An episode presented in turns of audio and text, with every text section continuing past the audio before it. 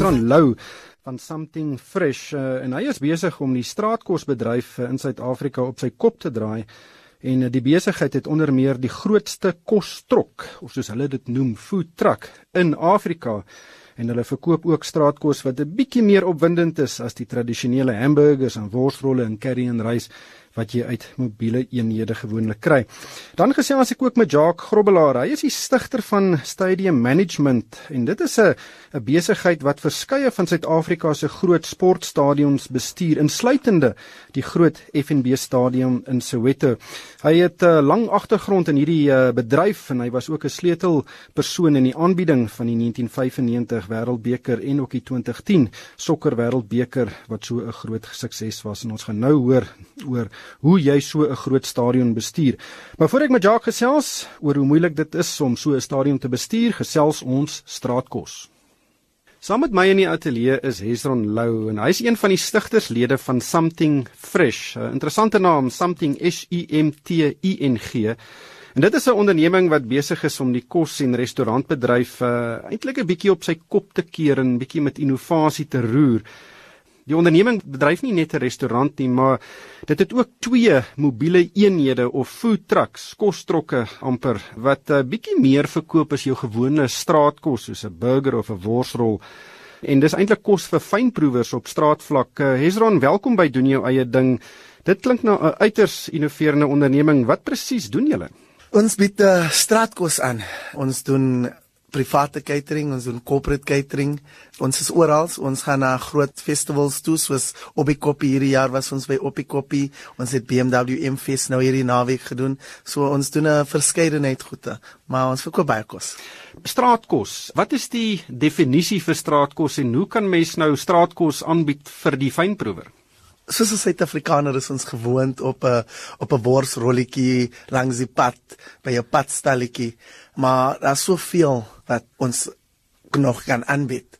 So ons het die idee van global street food ingebring. So ons het American influences, ons het Asian influences en European influences ons en ons het hulle saamgebring en ons het iets nuuts gemaak. So ons het South African street food nou 'n nuwe mening gegee.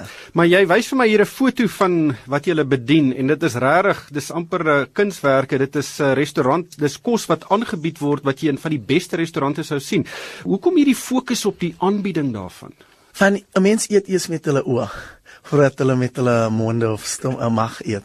So um, ons het definitief gesê ons wil hê mense moet ons kos geniet en van ons lewe nou in 'n tyd van Instagram. Alles is instant. So Facebook, almal as jy sit by 'n restaurant, wil jy jou kos Instagram en jou kos Facebook. Toe sê ons nee, ons moet nou mooi kos aanbied sodat die mense dit kan geniet en ook kan deel met hulle familielede, met hulle vriende en dan is dit ook 'n 'n vorm van marketing dan vir ons. Van dan sit hulle dit op uh, Instagram en sê dit choma vir my is like dit moet lekker waar gaan ek dit proe. En kom eet hulle probeer hulle ons kos ook. Hoe duur is dit? Uh, hoe vergelyk dit met byvoorbeeld ander straatkos? Dis redelik goedkoop eintlik. Ons fokus is op hoender en ons uh, gebruik hoender van dis goedkoop proteïen en ons gebruik maar die res van ons bestanddele is goeie kwaliteit en ons koop hulle vars by die mark elke naweek.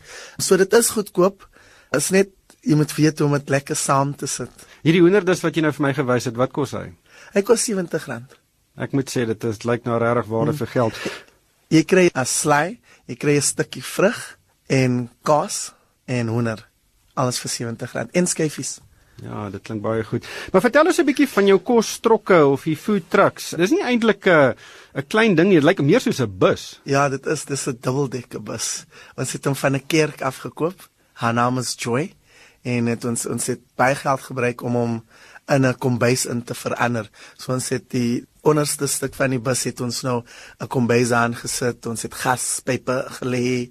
Ons het um fryers ingesit, tafels waar ons die kos kan regkry. So dit was 'n groot projek hy en dan bo kan mense ook sit en die view geniet. Ja. So dis 'n uh, volledige kombuis daar binne en nog tafels waar mense kan sit. Ja.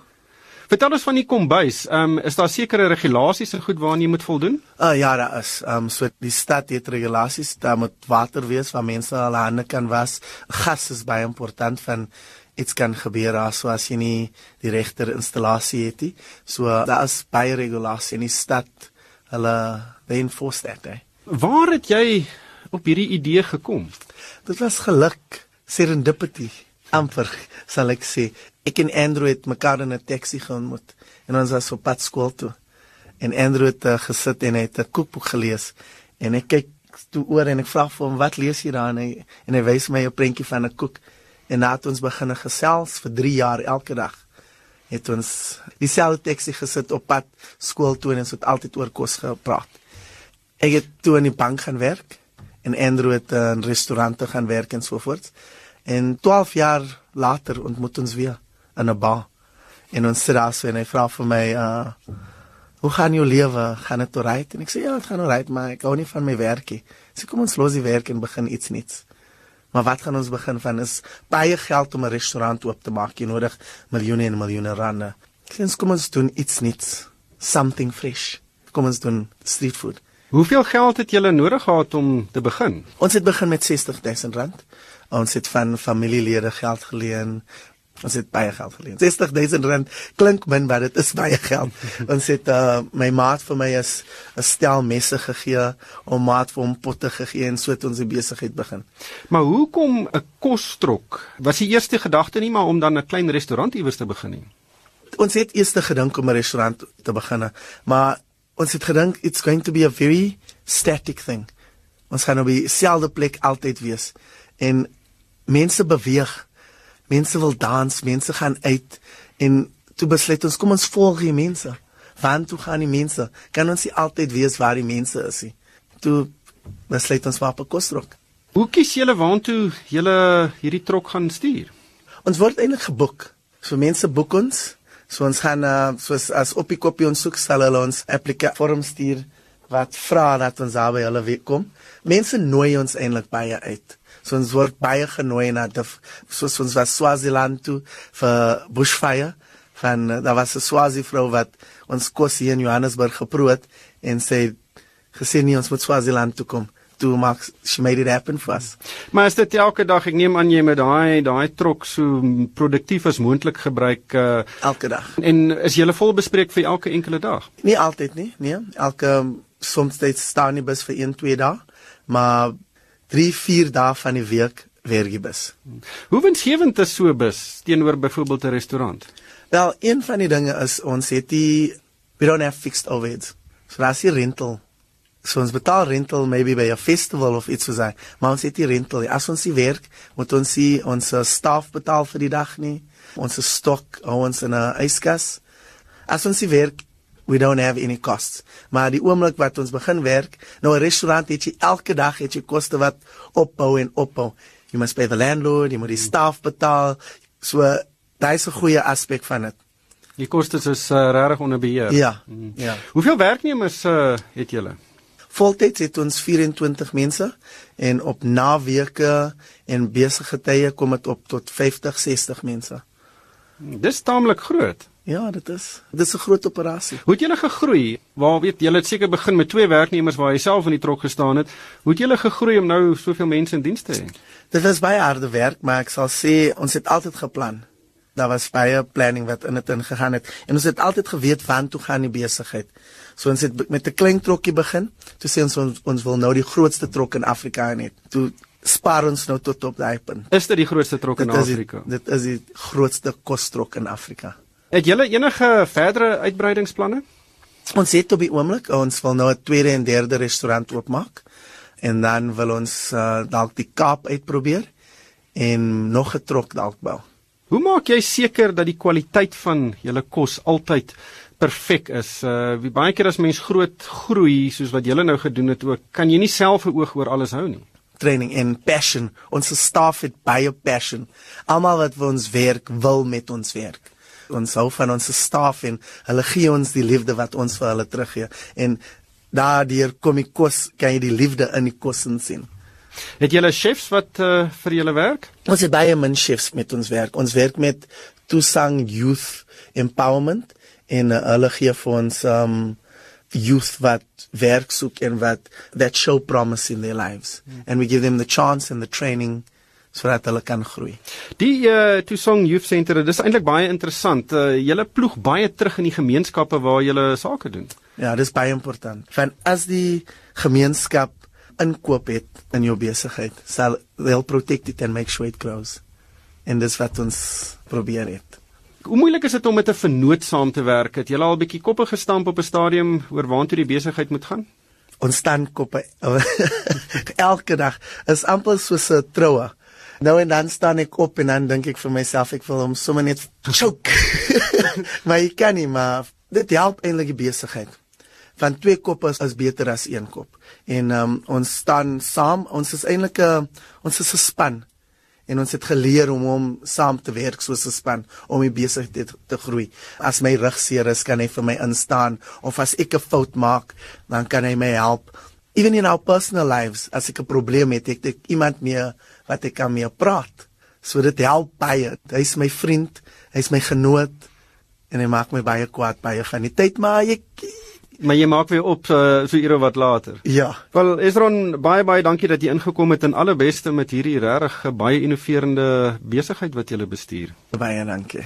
Dit was dan Esron Lou. Hy is een van die stigterslede van Something Fresh, 'n onderneming wat besig is om die kosbedryf in Johannesburg, veral die straatkosbedryf, werklik op sy kop te keer. Baie interessante storie daai. Maar nou gesels ek met Jacques Grobbelaar, hy is 'n stigterslid van die besigheid Stadium Management, dit so 10 jaar gelede begin. En uh, hierdie onderneming bestuur verskeie stadions uh, in Johannesburg, insluitende die groot FNB stadion. Jacques, welkom in die Moneyweb ateljee. Wat behels dit alles om so 'n groot stadion soos die FNB stadion te bestuur? Baie dankie Ryk, dit is lekker om hier met jou te sit en gesels. Ja, om die FNB stadium te bestuur is 'n uh, is 'n baie unieke ehm um, proses. Jy weet baie mense kyk na 'n stadium as 'n besigheid. 'n Stadium is 'n makro kosmos van verskillende ondernemings. Ek meen ons het by die stadium bied ons ehm um, ons bied sportgeleenthede aan. Ons ehm um, uh soos die Engelsman sê ons create sport, sportgeleenthede. Ons maak seker dat ons ehm um, uh die hospitality suites verkoop ons verkoop advertensie en bemarking. Ehm um, ons verkoop die kaartjies by die stadions. Ons het 'n ehm um, 'n 'n tipiese drankstoor by die stadion. Ons ehm um, ons doen die ons doen die kos by die stadion. Jy weet as met 'n groot wedstryd ehm um, sal ons vir 8800 mense kos gee binne 10 minute ek meen is groter as 'n as 'n as 'n cruise ship as jy dit nou so kan stel. Ehm um, so dit is eintlik 'n ongelooflike groot organisasie en en ehm um, onderneming um, om te bestuur. Nou maar die stadion word besit deur die Johannesburgse Metro Raad. Hoe hoe staan hy ooreenkoms? Ehm um, huur jy die stadion by hulle of betaal hulle jou daarvoor? Ja, eintlik ryk ehm um, die stadion be word besit deur die departement van openbare werke. Ehm um, toe die stadion gebou is ehm um, in in die laat ehm um, uh 2007 2008 in daai omgewing het ehm um, aanvanklik sy Safa wat die stadion besit het en die grond het besit aan die departement van openbare werke. Ehm um, so dit die uiteinde van die saak gewees dat die Safa die stadion sou besit het. Safa kon nie die geld bekom om die stadion te ontwikkel nie, want die, die ontwikkeling was 3.8 miljard rand. Ehm um, die Metro Raad het ingestap en ehm um, die skuld wat Safa gehad het in die bank het hulle eenkant geskuif. Ehm um, hulle het 1.5 miljard rand ingesit om die stadion te finansier en ehm um, treasury die res van die geld ingesit. So ehm um, heidaglik behoort die stadion aan die stadsraad en ehm um, die grondbehoort in departement openbare werke. Ek het 'n kontrak om die onderneming om die, om die, om die uh, fasiliteit namens die stadsraad te bestuur teen 'n volle finansiële risikobasis. So hulle betaal jou niks om dit te bestuur nie. Nee nee, ek ek kry geen geld om die stadion te bestuur nie. En jy moet die instandhoudingswerk doen. Ons doen ons instandhoudingswerk en 'n stadion soos die FNB stadion kos so 60 miljoen rand per jaar. So ons moet seker maak dat ons die inkomste en die uitgawes werk en dat ons ons koop teen teen teen 1 dollar en ons verkoop teen 2 dollars, ja. Hmm. So basies wat jou werk is is om te kyk hoeveel sportgeleenthede of kunstenaars, vermaaklikheid kunstenaars jy kan lok om op te tree in die stadion en dan maak jy geld geld uh, uit daai gebeurtenisse. Dis reg, jy, dit gaan alles oor wat wat gebeur op daai 9800 vierkante meter veld. Ehm um, of dit nou sokker is of dit rugby is of dit musiekkonserte is, dit gaan ehm um, dit gaan maar daaroor hoe meer jy daar aanbied en hoe meer verskeiding jy daar aanbied, hoe meer kan jy hoe meer mense lok jy, hoe meer adverteerders lok jy en um, hoe meer kan jy kapitaliseer en kommersialiseer op dit wat jy op die veld aanbied. Watter geleenthede is vir jou die winsgewendste as mens nou sê maar sport opweeg of die verskillende sportsoorte opweeg met uh, groot kunstenaars soos U2 en en Bruce Springsteen. Ja. Ek meen YouTube is groot, 102000 mense. Ehm um, daar is 'n spesifieke kontrak wat ons met iemand soos Big Concerts wat 'n groot promotor is en en en Live Nation wat internasionale promotor is. Ehm um, so dis 'n spesifieke model waar ons 'n spesifieke ehm um, inkomste genereer uit dit uit. Dan het ons sportmodelle wat ons ehm um, uh sport ehm um, spanne se kommersiële aktiwiteite rondom die stadion besit en bestuur. Ons koop dit, ons betaal hulle 'n 'n waarborg aan besit dit. In ander gevalle sal ons gaan soos met die Bafana Bafana wedstryd van 2-3 weke terug het ons 'n uh, ooreenkoms met SAFA aangegaan waar ons die ooreen die die wedstryd gekoop het en hom gekommersialiseer het. Ehm um, dit is dis meer om dit te maak werk is om seker te maak dat jy die 4 5 6 inkomste strome dan saamvoeg en uit dit uit seker maak jy jy ehm um, uh weet jy, jy jy koop vir 'n dollar en jy verkoop vir 2 dollars ja. Hoeveel geleenthede bied julle per jaar byvoorbeeld op FNB stadion aan? FNB stadion tussen 34 en 40 ehm um, geleenthede per jaar in totaal by al al ons stadions oor 100, so 112, partykeer 120 om jy idee te gee rugby stadion bied so uh met die ou dae so tussen 16 en 17 uh, geleenthede aan as jy gaan kyk na Karibeker is nou 5. Ehm um, Super Rugby is ehm um, is nou 8 na 9 toe en miskien 'n toets. So ons doen wat 'n rugby stadion in in 'n jaar doen doen of in 6 jaar doen doen ons in 'n jaar met om hierdie te gee. Hoeveel werknemers uh, het julle? Ehm um, ons het 47 ehm um, permanente werknemers in diens wat elke dag van die dag uh, el, elke dag van die van die week en maand by die stadion werk. Ehm um, omdat dit so groot onderneming is uit 'n finansiële oogpunt as 'n finansiële kantoor, 'n kommersiële kantoor, ehm um, 'n eventskantoor en verskeie logistieke kantoor. Ons het ons eie loodgieters, ons eie ehm um, electricians, ons eie ehm um, ehm um, adverteerders en bemarkers ehm um, Uh, so dit is 'n groot groot organisasie met wedstryde en geleenthede sal ons opgaan tot en met tot en met 4000 mense wat vir ons op die dag kom werk. 4000 dis seker 'n logistieke nagmerrie om skielik soveel mense in te kry en hulle te betaal.